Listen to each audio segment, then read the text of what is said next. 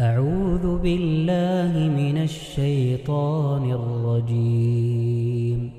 يسألونك عن الأهلة قل هي مواقيت للناس والحج وليس البر بأن تأتوا البيوت من ظهورها ولكن البر من اتقى.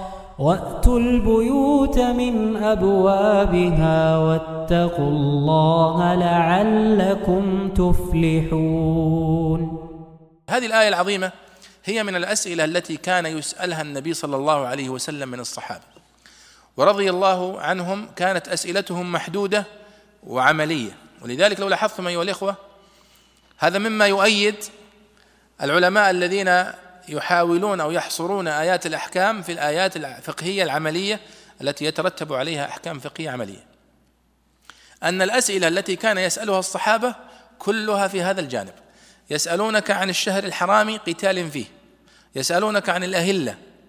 يسألونك عن الخمر والميسر. يسألونك عن المحيض، كلها أشياء عملية يترتب عليها أحكام آه، فقهية. ولم يكونوا يسألون هل الأفضل الملائكة أم البشر؟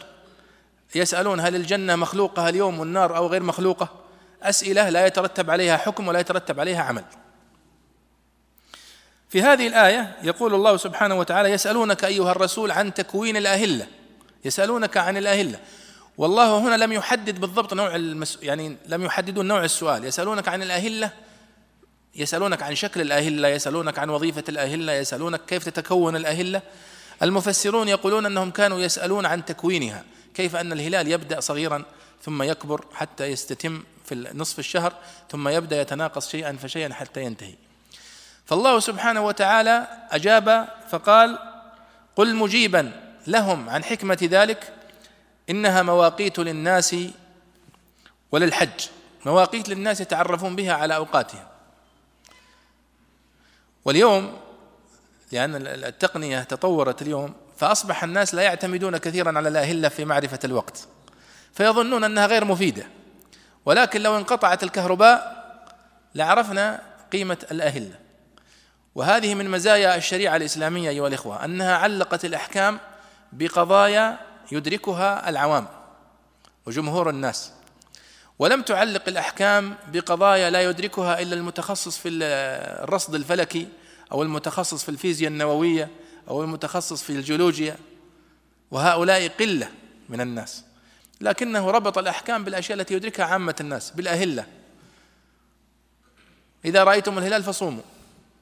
صوموا لرؤيته وأفطروا لرؤيته. فيستطيع الواحد أنه يتابع الصيام هذا سواء كان عنده مرصد فلكي ولا عنده الساعة ولا عنده جوال ولا عنده بوصلة. لا هذه كلها أدوات لا نحتاجها. أشياء مساعدة. لاحظوا في السؤال هنا يسألون سؤالا ويأتي الجواب من زاوية أخرى. فهم يسألون عن الأهلة كيف تتكون؟ طيب افرض أني جاوبتك على كيف تتكون الأهلة ماذا تستفيد؟ لكن الفائدة الأعظم التي تستفيدها أن أبين لك الحكمة أنها مواقيت للناس وللحج يعرف الناس بها دخول العبادة وخروجها وهذا هو الذي يترتب عليه عمل. وهذا الذي يسميه العلماء في البلاغة أسلوب الحكيم أو الجواب الحكيم. أن يسأل أن تسأل سؤالا ليس في فيه فائدة للسائل فتجيبه بالجواب الذي يفيده. هذا يسمونه جواب الحكيم. ومن فوائد هذه الآية أن الليلة التي يرى فيها الهلال هي من الشهر المستقبل وليست من الشهر الماضي. ولذلك نحن اليوم الليلة تسبق النهار كما تعلمون. فنحن نرى الهلال رمضان الليلة فنصوم غدا. فالليلة التي نرى فيها الهلال هي تابعة لليوم التالي. ومن فوائد أيضا هذه الآية أنها تقبل في رؤية الهلال شهادة رجل عدل إذا كان في السماء علة كما يقول الفقهاء. بمعنى الغيم أو شيء يمنع رؤية الهلال فإنها تقبل شهادة العدل وإن لم تكن في السماء آه، علة لم يقبل إلا شهادة الجماعة آه، التي يوجب خبرها العلم. بمعنى أن جاء رمضان وكان في غيم أو في مانع أو في غبار فجاء شهد شاهد. قالوا يقبل. لكن إذا كان الجو صافيا وإمكانية الرؤية متاحة للجميع لا نكتفي بشهادة الواحد وإنما نكتفي بشهادة مجموعة من الناس حتى ندخل في العبادة. وهذا في الغالب يكون في رمضان أو يكون في الخروج منه أو يكون في دخول الحج ونحو ذلك من العبادات والمواسم التي يشترك فيها الناس آه، آه، جميعا. طيب. في فائدة أريد أن أذكرها وهي تتعلق بقوله سبحانه وتعالى وليس البر بأن تأتوا البيوت من ظهورها ولكن البر من اتقى. البعض يظن أن هذه الآية يعني أنها أو بعض المفسرين لا أقول أن بعض الناس بعض المفسرين يفسر هذه الآية تفسيرا عاما بمعنى وليس أن تأتوا البيوت من ظهورها أي تأتوا الأمور من وجهها تأتي الأمر من وجهه. والصحيح أنها على ظاهرها. ولكنك لا تستطيع أن تفهمها على ظاهرها إلا إذا عرفت سبب النزول. تذكرون في إن الصفا والمروة؟ ذكرنا سبب النزول. ولذلك نحن نقول دائما في سبب النزول ما هو سبب النزول؟ سبب النزول هو ما نزلت الآية أو الآيات بشأنه وقت نزول الوحي كحادثة أو سؤال. يعني تكون تنزل يكون هو سبب مباشر في نزول الآية.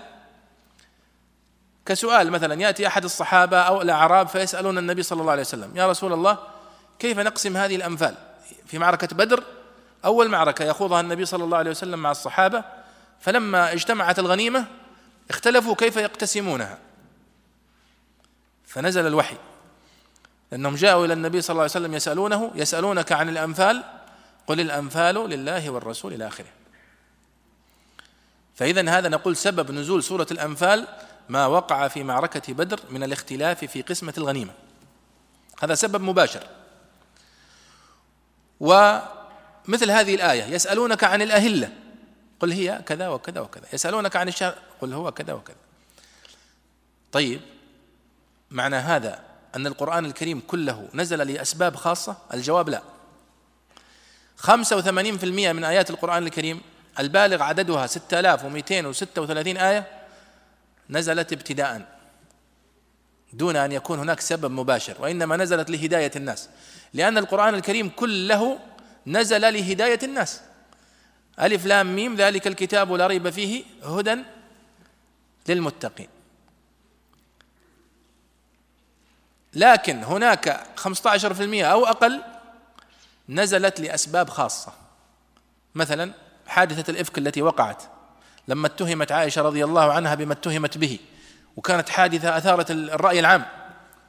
فنزل الوحي بشأنها. إن الذين جاءوا بالإفك عصبة منكم إلى آخر الآيات. فنقول سبب نزول هذه الآيات نقصد به السبب المباشر. وإلا فكل القرآن الكريم قد نزل هداية للناس. ولو قلت أنت في كل آية سألتك ما سبب نزول هذه الآية؟ فقلت هداية للناس. الجواب صحيح. لكننا نسأل دائما في سبب النزول عن السبب المباشر. هذه الآية لا تفهم إلا إذا عرفنا سبب النزول. وهو أن الأنصار رضي الله عنهم في الجاهلية كان عندهم اعتقاد أنه إذا ذهب الواحد منهم إلى الحج ثم رجع من الحج فإنه لا يدخل من باب البيت. الباب الباب الرئيسي حق البيت ما يدخل معه وإنما يثقب ثقبا في آخر البيت أو في خلف البيت في خلفية البيت ويدخل معه. ويرى أن هذا أكمل في خروجه من ذنوبه كأنه عندما يدخل من هذا المكان الخاص فكأنه خرج من ذنوبه. عقيدة.